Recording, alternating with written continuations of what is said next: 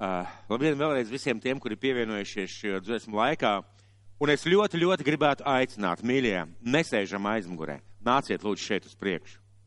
Lūdzu, nesēžam aizmugurē, paņemam krēslus, pabīdēm šeit uz priekšu, uh, lai mēs visi varētu dzirdēt zem balkona zāles, ir grūti dzirdēt, tur varētu atrasties tikai mazuļi, lūdzu nākamu šeit uz priekšu. Vārds, ar kuru šodien gribētu dalīties, un uh, tas saistās arī ar to, ko es tikko pateicu. Uh, ir vārdi, uz kuriem ir jābūvē. Tā saucās vārds šodien, šī dienas predikts, ir vārdi, uz kuriem ir jābūvē. Ir vārdi, uz kuriem ir jābūvē. Un pagājušajā svētdienā mums bija draudz dzimšanas diena, mēs eh, runājām par Bībeles pantiem no pirmās Pētera vēstules, eh, kuras eh, ir tādi vārdi un uzsaliet no sevis pašiem kā dzīviem akmeņiem garīgu nāmu un topiet par svētu priesteru saimi. Mēs runājam pagājušajā svētdienā par to, ka Dievs mūs aicina uzcelt no sevis pašiem šo garīgo namu, tātad būt vienotiem ar draudzi, būt draudzē, būt vienotiem ar draudzi, ieguldīties draudz šajā garīgā nama celtniecībā. Un mēs runājam arī par to, ka mēs esam aicināti no sevis pašiem, kā no dzīviem akmeņiem uzcelt šo garīgo namu. Nevis no kāda cita, bet no sevis. Runa gāja par šo iekšējo garīgo namu draudzē draudz namu, kā garīgo namu, ne māju, protams, jā. Un par šo celtniecību kopā un arī individuāli, ka mēs esam katrs aicināts uzcelt sev garīgo namu. Un par to, ka ik viens ir aicināts būt daļa no draudzes un daļa no šī garīgā nama arī sevi iekšā. Un ka ik viens ir aicināts no sevis, no savas dzīves, no savā dzīvē, iekšā neredzamajā, neredzamajās lietās, neredzamajā garīgajā pasaulē uzcelt garīgu namu, kas ir neredzams cilvēku acīm, bet kurā dzīvo Dievs, kas ir neredzams cilvēku acīm, bet kurās dzīvo Dievs. Un tad no šī neredzamā, kā mūsos dzīvo Dievs, parādās šis redzamais cilvēku acīm, tas, ko cilvēki redz, var novērtēt, un Dievs var tikt pagodināts pēc tam caur mūsu dzīvi. Un ir trīs pamatlietas, ko mācīja Jēzus, ko māca Bībele un ko šodien māca Svētais Gars. Trīs pamatlietas attiecībā uz Dievu. Trīs tādas pamatlietas ir ļoti daudz, kas, bet ir trīs pamatlietas attiecībā uz Dievu. Pirmā lieta, kas mums, un šīs lietas mums ir jāzina, šīs lietas mums ir jāsaprot, un šīs lietas mums, šīm lietām mums ir jātic. Tātad pirmā, pirmām kārtām attiecībā uz Dievu. Trīs lietas. Viņas mums ir jāzina.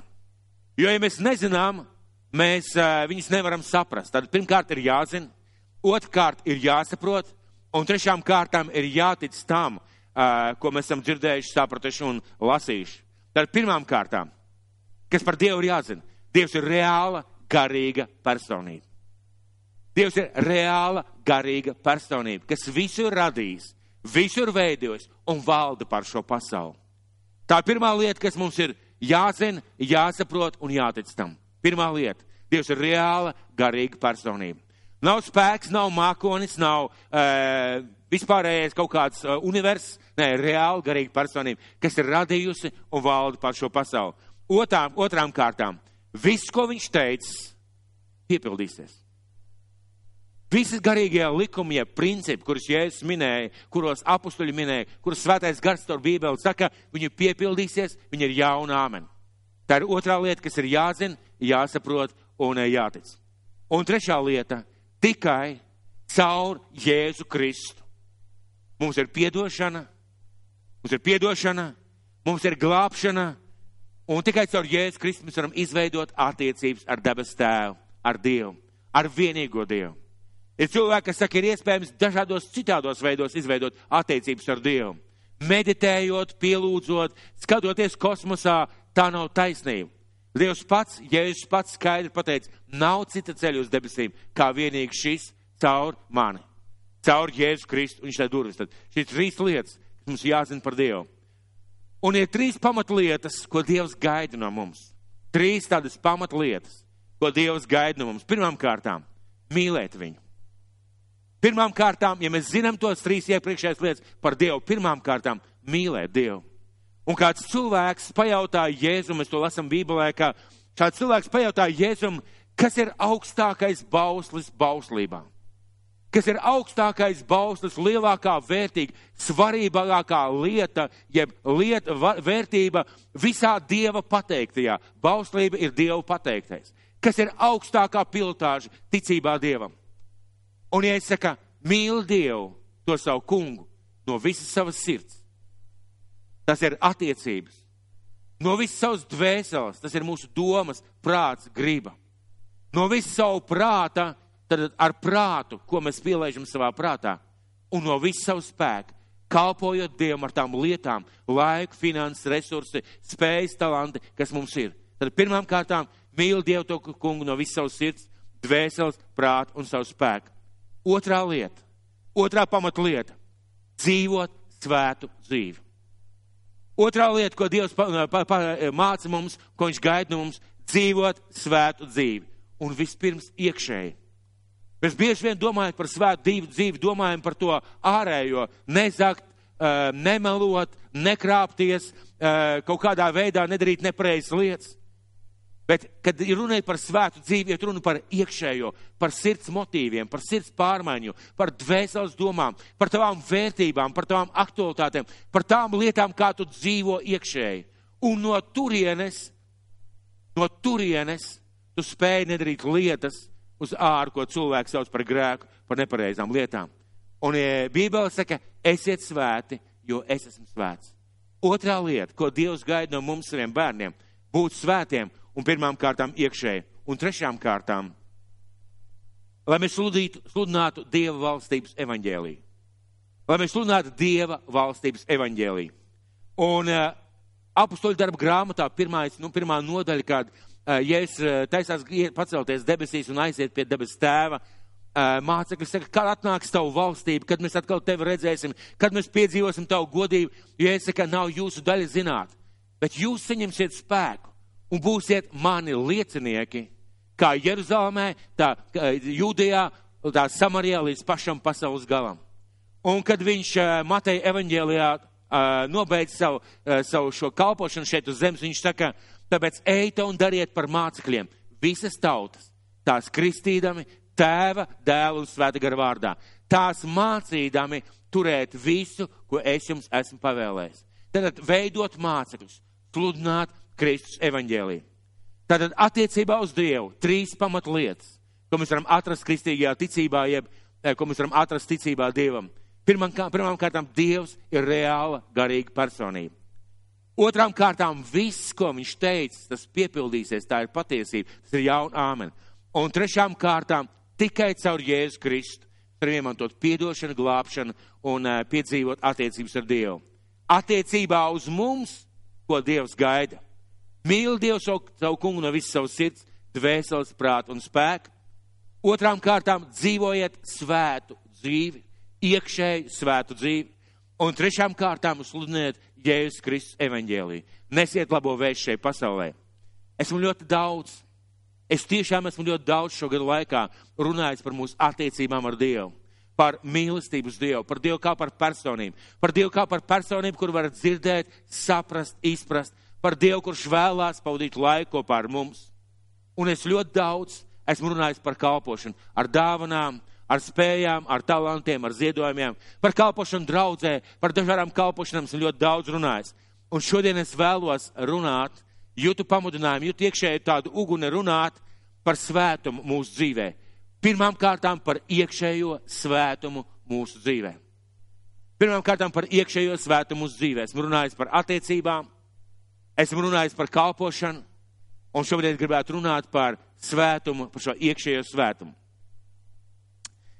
Ja mūsu dzīvē būtu kāds tāds eksāmens, dzīves eksāmens, ne augstskolas eksāmens, ko var pārkārtot, ne iestāšanās eksāmens, ko atkal var pārlikt nākošajā gadā, bet tāds viens vienīgs dzīves eksāmens. Jeb uh, eksāmens, kas mums būtu jānokārto, un no tā ir atkarīga visa mūsu dzīve. Un kāds, ejot uz šo eksāmenu, pienāk tev klāt, vai mums klāt, un pateikt, zini, es būšu tas, kas dalīs eksāmena biļetes. Būs šis eksāmenis, tu to skaidri zini.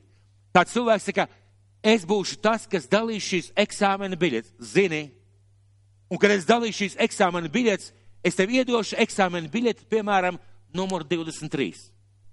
Iemācies viņu. Es domāju, ka mūsu attieksme pret eksāmenu, pret biļeti numuru 23 būtu pavisam citādāk nekā pret, eh, pret pārējām biļetēm. Jūs man piekrītat? Jūs man piekrītat? Manā dzīvē ir bijis gadījums, kad uh, es to nesaukšu par māņticību, varbūt par sagadīšanos, nezinu. Mana māsa vidusskolas eksāmenos uz trīs eksāmeniem precīzi pateica, kuru biļetes izvilkšu. Par pirmo eksāmenu es smiekņēju un teicu, nu beidz, nevar tā būt. Es dabūju tieši to biļeti. Par otru eksāmenu viņa pateica, kur biļetes izvilkšu, es domāju, nu, bumba divreiz vienā bedrē nekrīt. Nu labi, nu, nu, nu paskatīšos nedaudz vairāk, nu kas to lai zina? Es dabūju tieši to pašu biļeti. Jūs neticēsiet, ka trešo reizi mana māsa pateica, kura biļetes izvilkšu. Es to biļeti mācījos. Es uzrakstīju speciālu spikeri. Es ieliku speciālā kabatā. Es speciāli noglabāju tā, lai es visam tam tik klāt. Un jūs neticēsiet. Es izvilku tieši to biļeti. Un ja mūsu dzīvē būtu tāds eksāmens, un ja tas cilvēks, kurš pieņem eksāmenu vai pēc tam, kurš tā kā pat arī varbūt e, iztiesā to eksāmenu rezultātu, jums pateikt, zini, es dalīšu biļetes, un es tev iedošu numuru 23. Un vēl pateiktu, iemācies kārtīgi, zini no galvas, izstudē kārtīgi, tev būs šī, šī, šī te biļete. Kā mēs izturētos pret šo biļeti? Es domāju, mēs veltītu dienu vismaz, mācītos, saprastu, sarakstītu spīkerus, ja kas tāds godīgāks, jā, sarakstītu spīkerus un uh, izdomātu tādas izcils lietas, kā to visu izdarīt skolnieki ļoti liela meistara tajā ziņā. Bet to biļeti mēs zinātu. Ja, piemēram, otrs piemērs, ja, piemēram, jūsu dzīvē būtu situācija, ka jums iedotu un eh, kādreiz nometnēs, eh, skolās, bet iedomāsimies situāciju, ka tā ir reāla dzīve. Pienāk kāds vecs vīrs pie jums un saka, zini, es tev gribu iedot karti uz dārgumiem. Reālu karti uz reāliem dārgumiem. Vērtība ir miljoni.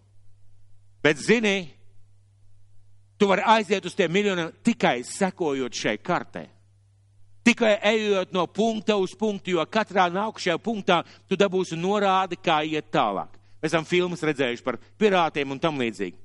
Kā mēs šo karti skatītos, kā mēs studētu. Uzreiz būtu daudz lietu, kas būtu blakus, ja mēs ietu par šo, par šo maršrutu, piemēram, Un, ja mums pateiktu, nākošā norāda ir Agenskalnā, nezinu, Agenskalna tirgu aiz durvīm noliktā maisiņā. Mēs ietu ejot uz Agenskalnu, uz to nolikto maisiņu, mēs daudz ko redzētu, daudz ko apskatītu pa ceļam, bet mūsu skatiens būtu vērsts uz turieni. Mēs iet no punkta uz punktu, daudz ko mēs redzētu, daudz ko piedzīvot, daudz lietas būtu kā izaicinājums, bet mēs iet uz šo vietu, mēs saņemtu šo vietu, mēs ietu tālāk uz nākušo, un pašās beigās mēs atrastu šos miljonus, kas varētu būt miljoni.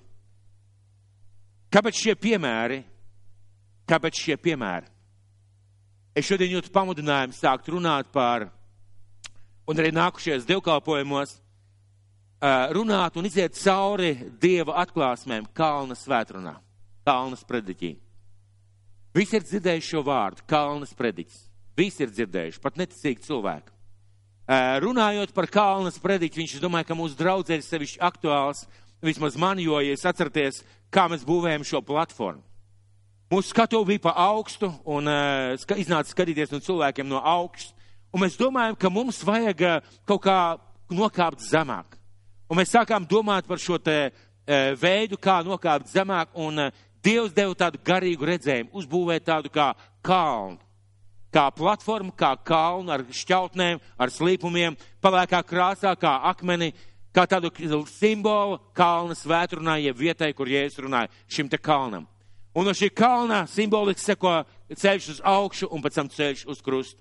Tātad kalna svētruna, šeit es varētu teikt tā stāv uz tāda, tāda kalna. Un uh, atvērsim visi Mateja evaņģēliju piekto nodaļu. Mateja evaņģēlijas 5. nodaļa, 1. 2. pants. Es gribētu jūs visus aicināt, atveriet savos telefonos, savās bībelēs. Mateja evaņģēlijas 5. nodaļa, 1. 2. pants. Matai evaņģēlijas 5. nodaļa, 1. 2. pants. Es aicinu arī jūs mikrofona, uh, tur uh, aiz, aiz kadra, aiz ekrāna. Uh, atveriet arī jūs savas bībeles un lasīsim visu kopā. Tad Matai evaņģēlijas 5. nodaļa, Kalna svētruna. Par kalnu svētrunu cilvēki ir teikuši, teologi ir teikuši, uh, cilvēki, kas pērta cilvēku psiholoģiju un mācības dažādas. Viņi teiks, ka kalnu svētruna ir izcilākā runa pasaules vēsturē, kurā ir iekļauti visi principi, kas cilvēkam būtu jāpiedzīvo vai jādara, lai dzīve būtu veiksmīga. Izcilākā morāla, kas jebkad ir atskanējusi. Tad tāds kā koncentrāts Jēzus Kristus mācībai. Matei evaņģēlijas 5. nodaļa, 1. un 2. pāns lasīsim. Kad viņš ļauku, ļaužu pulku redzēja, viņš uzkāpa kalnā un nosēdās. Un viņa mācekļi sapulcējās pie viņa. Un savu muti atdarījis, viņš tos mācīja sacīdams. Jēzus redz cilvēkus, simtiem cilvēku viņam seko. Viņš uzkāpa kalnā un šie cilvēki nosēžās šeit kalna pakājē, ja tā varētu teikt. Pie viņa sapulcējas viņa mācekļi, un Jēzus sāk runāt. Un, eh, kad Jēzus sāk runāt, mēs varam ieraudzīt, ka tā nav nejauša saruna. Tā nav situācija, ā, iespēja parunāt, nu parunāsimies par kaut ko. Mēs varam ieraudzīt no šīs tas, uh, viņa runas, ka viņš runā ļoti pārdomāti. Viņa vārdi ir ļoti pārdomāti. Un sāk viņš ar pilnīgu un absolūtu izaicinājumu tā laika pasaulē un arī šā laika pasaulē. Jo mēs zinām, ka šajā laikā un arī tajā laikā, lai būtu veiksmīgs, tev bija jābūt bagātam, veiksmīgam, veselam, ka tev viss ir kārtībā, tad Dievs ir ar tevi un tu vari dzīvot laimīgi. Jēzus sāk ar ļoti radikālu pretējo virzienu, ka svētība nav ārēja, svētība ir iekšēja. Svētība ir iekšējas pārmaiņas, iekšēji pretējs veids, kā dzīvot, tā ir svētība no Dieva. Tad, Jēzus, tad viņa vārdi ir ļoti pārdomāti, viņa vārdi ļoti mērtiecīgi un ļoti, tie ir ļoti nozīmīgi vārdi. Viņš nesāk runāt vienkārši tāpat. Esmu bijusi šī kalna, esmu bijusi šī kalna, tas ir pie Galilejas ezera, ļoti netālu lejā ir Kapernauma Un, eh, kad Jēzus runā uz šī kalna, viņš nosēž uz šī, nosēž, uz šī kalna virsotnē, viņa mācekļi ir ap viņu, cilvēki ir sapulcējušies tieši tāpat kalna pakājē, eh, nevis stāv, tas tāds pakauns, tas nav kalns, tas ir pakauns. Un cilvēki klausās, cilvēki var dzirdēt. Esmu pilnīgi pārliecināts, ka tas bija mirklis, kad cilvēki varēja dzirdēt, vai nu vējš bija uz to pusi, vai Jēzus runāja tik skaļi, bet cilvēki varēja dzirdēt, jo mēs varam dzirdēsim no šiem noslēguma šeit kalnu svētrunai, e, ko šie vārdi nozīmē cilvēkiem. Un, e, kad Jēzus runā, piemēram, par lilijām, kad viņš runā par putniem, visdrīzākais tur apkārt bija daba. Un šī kalna esot, tagad ir uzbūvēta tāda svētvieta, saucās kalna svētrunas baznīca. Ļoti skaista vieta, izkopta skaista vieta. Pavarēs skats uz Galilejas ezeru, pavarētu skats uz kapernumu, uz tām pļavām, uz laukiem, kas ir apkārt. Un, kad Jēzus runā, viņš patiesībā stāsta viņu dzīvi ar tiem piemēriem, kas ir viņiem apkārt. Tad Jēzus sāk runāt. Izlasīsim vēlreiz. Kad viņš ļaužu pulku redzēja, viņš uzkāpa kalnā un nosēdās, un viņa mācekļi sapulcējās pie viņa. Un tagad pāriesim uz Mateja evaņģēliju, 7. nodaļu, 28. 29. pants. Mateja evaņģēlijas 7. nodaļa, 27., 28., 29. pāns. Mēs izlasījām, viņš sāk savu sarunu, un e, mēs pārceļamies uz 7. nodaļu, 28. pantu. Un notika, kad Jēzus šos vārdus bija beidzis runāt, ļaudis brīnījās par viņa mācību. Jo viņš tos mācīja kā tāds, kam vara un nekā viņu rakstu mācītāju. Un, kad viņš nokāpa no kalna, daudz ļaužu viņam sekoja. Mēs redzam sākumu, šo kalnu svētrunu sākumu. Mēs redzam beigas, ka viņš beidz runāt, visi nobrīnās par viņu mācību. Viņš nokāpa no kalna un cilvēki viņam tālāk seko. Vēlreiz pārnāsim, kas klausījās. Klausījās viņa mācekļi, kas bija tūmā Tie, būt, tie bija 12 mācekļi, noteikti iespējams bija vairāk. Mēs zinām, bija 120 mācekļi viņam. Tur klausījās arī pārējie cilvēki, pirmām kādi mācekļi un simtiem cilvēku, kas klausījās.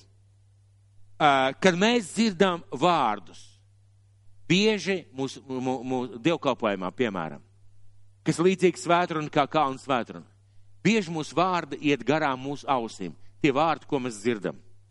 Par ko bija pagājušais dievkalpojums? Par Dievu, protams. Nē, nē, par ko bija pagājušais dievkalpojums? Nu kā? Par Dievu, protams. Bet tieši par ko īsti neatceros, bet droši vien par Dievu. Pareizā atbilde. Bet tieši par ko neatceros. Vārdi iet garām. Droši vien arī tur bija cilvēki, kas noklausījušies šo te Jēzus svētrunu, jeb sprediķi, jeb šo uzrunu, kā mēs rakstam, viņš brīnījās par viņa mācību. Noteikti teica, ir cilvēki spēcīgs vārds, brīnišķīgi, kaut kas nedzirdēts. Un arī mēs esam lasījuši Kalnu svētru. Un visi zina šo nosaukumu Kalnu svētru un pat neticīgi cilvēki. Un arī mēs varam pateikt, nu brīnišķīgi, Jēzus lieliski runāja, kolosāli runāja. Ko runāja? Ko runāja? Un kāpēc šāds jautājums? Bet ko Jēzus, Dieva dēls, svētā gara vadīts, pateica par to, ko viņš bija pateicis? Ko viņš pateica par to, par tiem vārdiem, ko viņš bija pateicis? Ko viņš pateica par to, ko viņš tikko pateica? Jo viņš kaut ko pateica, un pēc tam viņš kaut ko pateica par to, ko viņš pateica. Viņš kaut kā noraksturoja, kaut kā apzīmēja tos vārdus, kurus viņš tikko bija teicis. Vai viņš pateica, ziniet, es jums kaut ko interesantu pastāstīju, vai bija interesanti? Bija interesants dievkalpojums. Nu, Jā, mācītājiem vienīgi šlips stāvēja visu laiku šķīvi, bet vispār bija tīri ok. Bija silts, bija labi, bija patīkami, bija tīri ok. Vai Jēzus pateica, nebūtu slikti, ja jūs to zinātu, ko jūs tikko dzirdējāt? Vai varbūt viņš pateica, uh, ir vērts, ka jūs to dzirdējāt, bet es domāju, ka bija diezgan labi. Lasīsim uzmanīgi, tiešām uzmanīgi, ko viņš pateica par to, ko viņš pateica. Un Mateja evaņģēlijas septītā nodaļā iepriekšējie panti, pirms viņš nokāpa no kalna, pirms viņš dodas projām, pirms cilvēks saka lieliska runa. Tātad uh, 7. nodaļa sākot no 24. panta.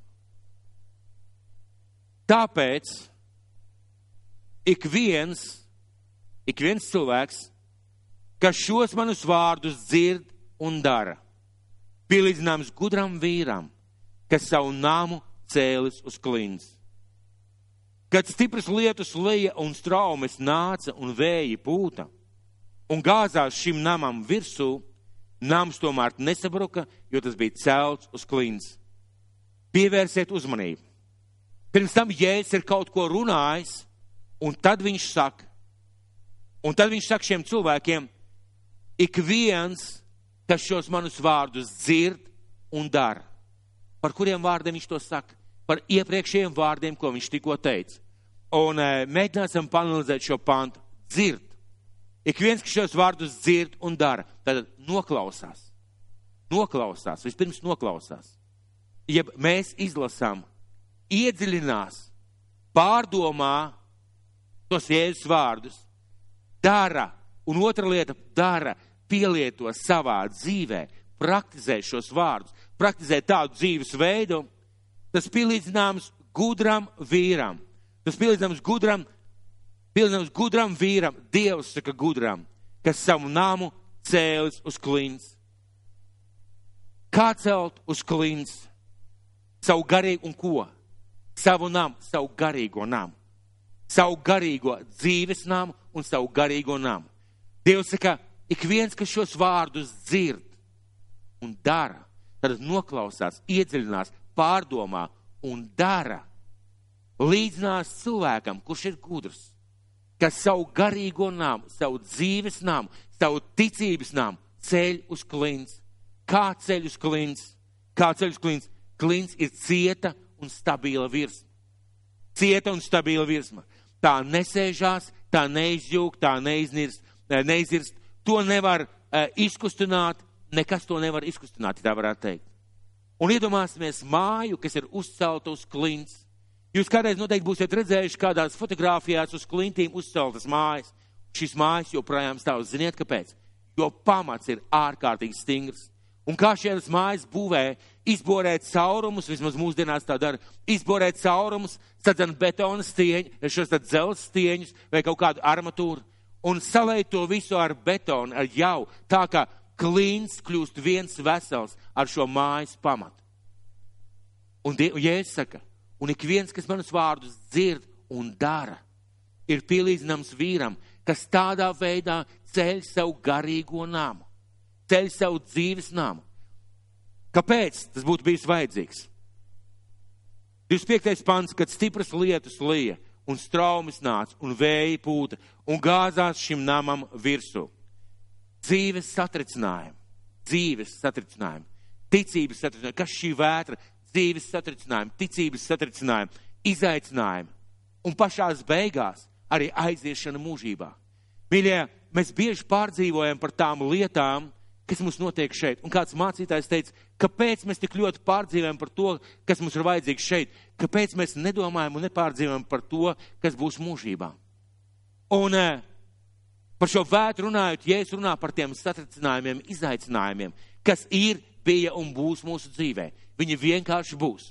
Šīs vētras būs. Un tur rakstīts, ka uh, tris, uh, liela lietus, traumas nāca, vēja pūta un gāzās namam virsū. Tad, uh, nams tomēr nesabruka, jo tas bija celts uz klints. Šis garīgais nams tomēr nesabruka, jo viņš bija uzcelts uz šiem vārdiem, kurus Jēzus pirms tam mācīja. Es gribu, lai, es gribu, lai mēs noturam fokusu. Jēzus saka, ja jūs ceļat savu dzīvi uz tās mācības, ko jūs tikko dzirdējāt, uz tiem vārdiem, kurus jūs noklausījāties, ja šajos vārdos jūs iedziļināties, pārdomājat un ceļat savu ticības un garīgo namu uz šiem vārdiem, jūsu nams nekādos pārbaudījumos nesabruks, nesagāzīsies, neizšķīdīs. Jēzus pasaka šādu lietu. Un tālāk 26. pants. Un ik viens, tad ik viens cilvēks, nevis Džanis Bērziņš, nevis uh, Pēteris Liepiņš, nevis tur, uh, nezinu, Zigmārs Kalniņš, bet ik viens. Un ik viens šajā zālē, mīļie, tas, ko Jēzus pasaka, ik viens šajā zālē, un ik viens jūs, kas mūs klausties, ja mēs savus namu necelsim uz šiem jēzus vārdiem, kuriem mēs runāsim pirms, pirms, pēc tam nākšies dievkalpojumos, mūsu nams sagāzīsies. Lai mūsu nams nesagāstos, mums ir jāieklausās šajos vārdos, jāpārdomā šie vārdi, un tādā veidā jāceļ savs garīgais nams. Un ik viens, tātad ik viens, kas, savu, kas manus vārdus dzird un nedara. Tātad tikai dzirdējis, cilvēks tikai dzirdējis. Par ko bija kalna svētruna? E, kaut kas par svētīgajiem, kaut kas par mantas krāšanu, nu kaut kas tur par piedošanu, īsti neatceros, bet nu kaut kas uz to pusi. Tas nedara. Es nerunāju par to, ka mēs iemācāmies no galvas, bet es gribu runāt par to, ka mums būtu jādzird šie vārdi, jāieklausās, jo Jēzus pats teica uz šiem vārdiem. Ik viens, kas manus šos vārdus dzird, tad tikai dzird un nedara. Tad tikai dzirdējis, nepārdomā šos vārdus, neiedziļinās šajos vārdos, nepielieto iekšēji savā dzīvē un nepielieto ārēji. Tāds cilvēks pielīdzināms ģeķim. Maigi skan pareizi. Mēs šodien varētu nosaukt jebkuru cilvēku par ģeķi šeit. Arī mani. Es domāju, ka mēs neapvainotos. Nu, tu tā kā tāds ģeķis.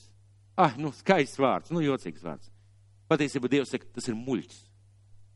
Tas ir muļķis. Vārds ģeķis nozīmē muļķis. Un, saku, ik viens, kas manus vārdus dzird un neiedziļinās, nepārdomā un nepielieto savā dzīvē, tas ir muļķis. Muļķis, Dievs pasaka muļķis. Un mēs teiksim, kā Dievs tā var runāt. Dievs nevienu neapvaino, nevienu neaizskar mīļā. Paskatīsimies uz mūžīgo tiesu. Paskatīsimies uz Jēzus atnākšanu. Paskatīsimies uz Jāņa atklāsmes grāmatu, ka cilvēki, ir aprakstīts, ka cilvēki e, būs lielās šausmās un e, viņi nostāsies Dievu priekšā un atbildēs Dievam par saviem darbiem. Un šajā vietā Jēzus saka, tas ir muļķis, kurš ik vienu šos vārdus dzird un nedara, tas ir muļķis, kas savu namu cēlis uz smiltīm. Vai kādreiz, kādreiz kādam ir gadījies jūrā celt smilšu kūks vai smilšu pilis? Ir gadījies celt, jā? Ja? Ir gadījies celt.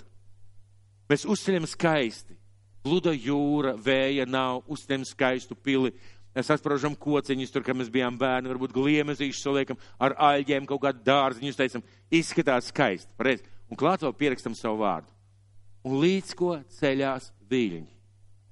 Pie viļņi visu nolīdzina. Vienkārši.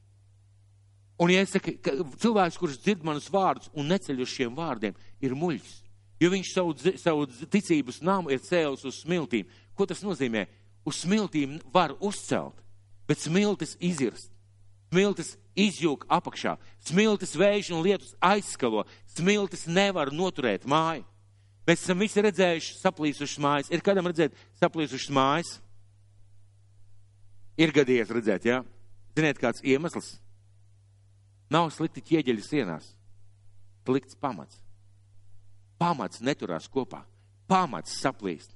Es zinu kādu māju šeit pat Latvijā.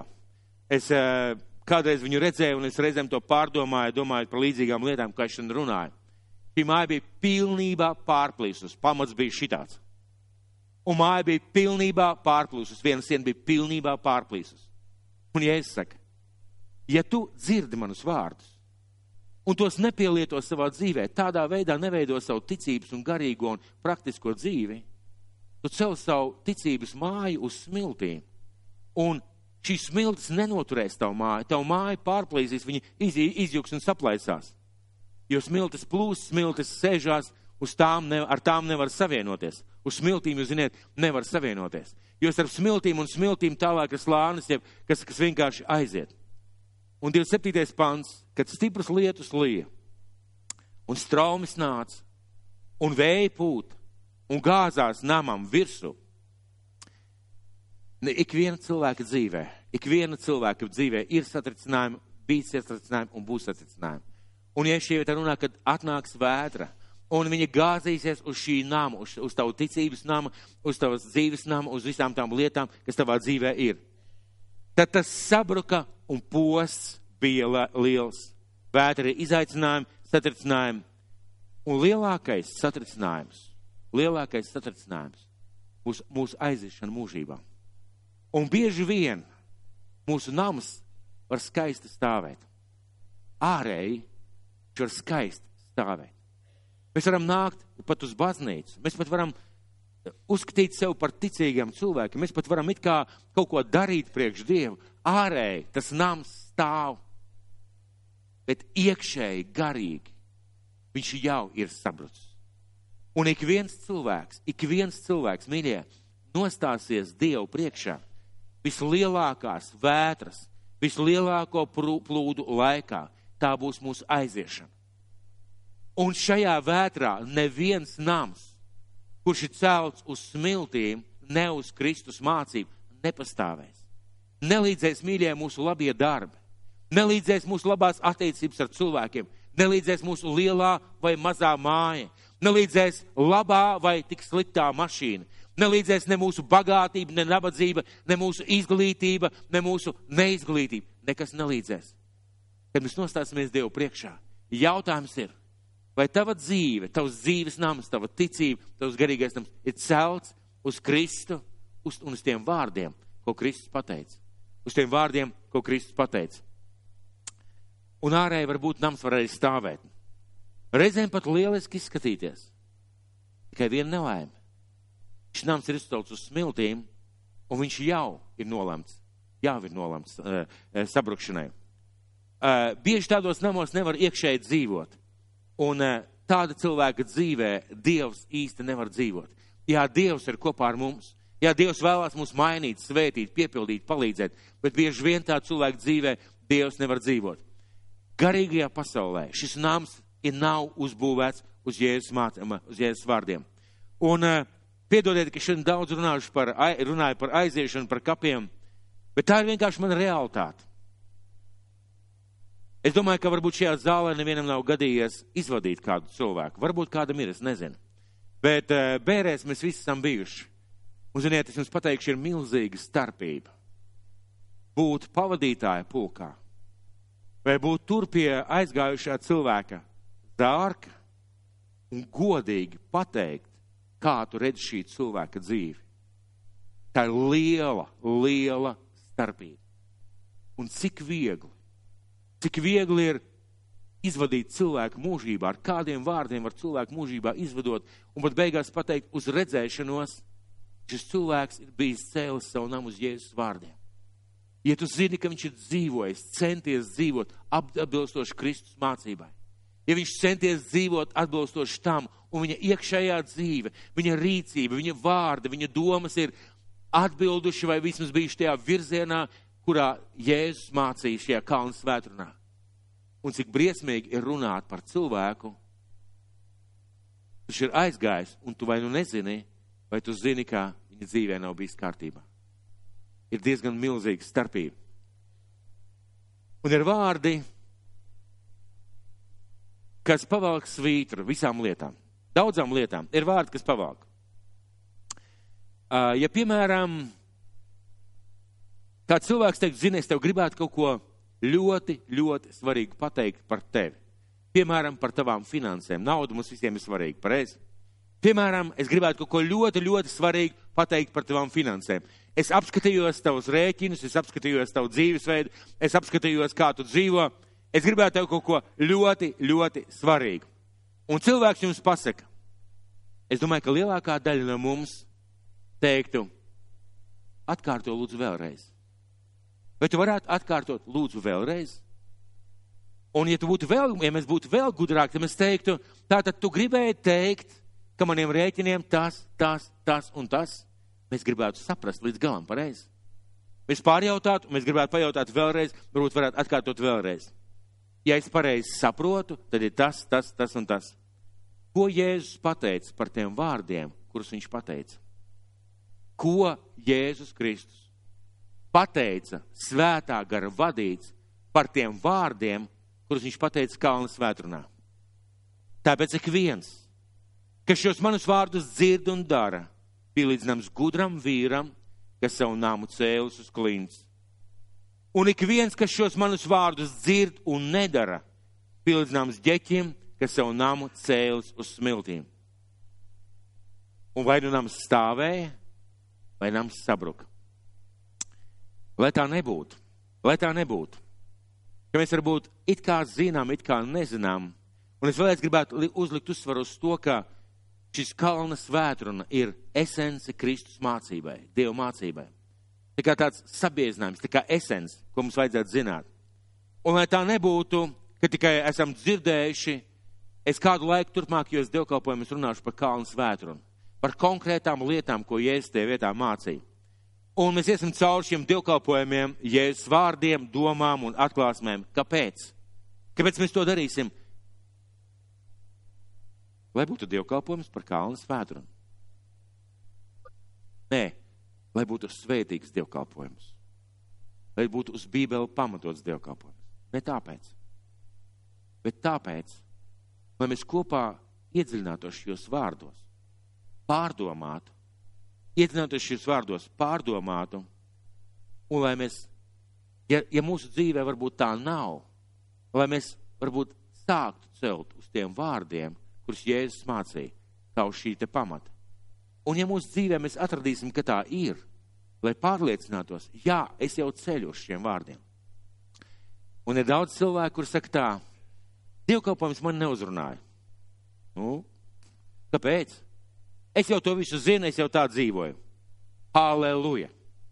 Tieši tev bija jābūt tajā dievkalpojumā, lai pārliecinātos, ka tu pareizi stāvi. Ka tu pareizi stāvi uh, ir ļoti labi dzirdēt, kad automehāniķis pasaka, zini, Jāni, tu tur vakar, aiz, vakar mainīji riepas. Viss ir kārtībā. Tu pareizi esi pieskrūvējies. Un vēl labāk ir dzirdēt, zini, Jāni, tu mainīji riepas. Piedod, bet tev trūkst vienam ritenim četru skrūvju. Brauc uz vienas skrūves. Tas ir vēl labāk, pareizi? Kādā ziņā, jo tad es noteikti varu mainīties. Tātad nākušajos dievkalpojumos mēs tiešām runāsim par šo kalnu svētrunu. Tur ir ne tikai pērles, tur ir garīgie principi iekšā, kurus mums būtu jāpielieto savā dzīvē. Un es ticu, ka svētais gars mūs vadīs, mūs mācīs, mūs veidos. Un es ticu, ka Dievs mums daudz ko pateiks. Un, lai tas varētu notikt, es gribētu jūs aicināt. Nākoši, uz nākošiem dievkalpojumiem regulāri pārlasām un pārdomājam kalnu svētru. Lasam tās Bībeles vietas, lasam tās vietas, kuras mēs gribējām, kuras mēs gribējām dzirdēt, kuras mēs gribējām redzēt, kuras varbūt mūsu kalendārā. Pārlasam kalna svētrunu.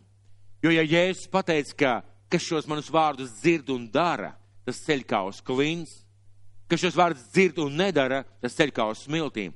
Tas nozīmē, ka šie vārdi ir ārkārtīgi svarīgi. Un es gribētu jūs, mīļie draugi, gribētu jūs aicināt. Tie varētu pat būt kādi divi, trīs mēneši. Nāciet uz dievkalpojumiem. Es laikam lietošu to vārdu, ko Jēzus sludinot nelietoja. Lūdzu, lūdzu nāciet uz dievkalpojumiem, runāsim kopā, meklēsim šīs lietas, šīs atklāsmes, ko Jēzus pateica.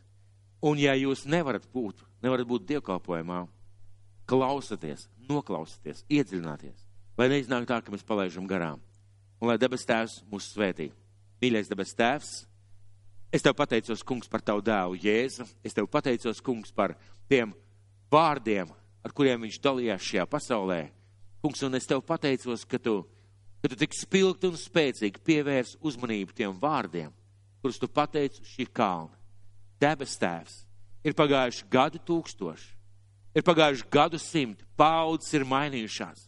Bet šī tava grība, tavi likumi, tavu baušļi, šie kalnas vētrunas vārdi, viņi joprojām ir tikpat aktuāli kā tajā dienā, kad viņi izskanēja, kā tajā dienā, kad mācekļi un cilvēki dzirdēja šo vārdu. Debes tēvs, tu viņam atvēri aus, un kad mēs skatāmies vēsturē, mēs varam ieraudzīt, ka šie 12 vīri un vēl vairāk, ka viņi ne tikai atvēra savus ausis, ka viņi dzīvoja tādā veidā, ka viņa nams pastāvēja un joprojām tā varēja pastāvēt vēsturē. Kungs un Dievs, svētīgi vienu šajā zālē. Kungs, svētīgi vienu, kas klausījās, kas klausījās šo dievkalpojumu, debes tēvs svētī, ka mēs, ka mūsu ausis dzird, ka mēs pārdomājam, ka mēs domājam, ka mēs saprotam, ka mēs iedziļinamies un ka mēs lietojam šos tavus vārdus kā, kā instrumentus, lai celtu uz viņiem savu namu. Svētais gars, svētīgi vien, Jēzus Kristus vārdā. Āmen!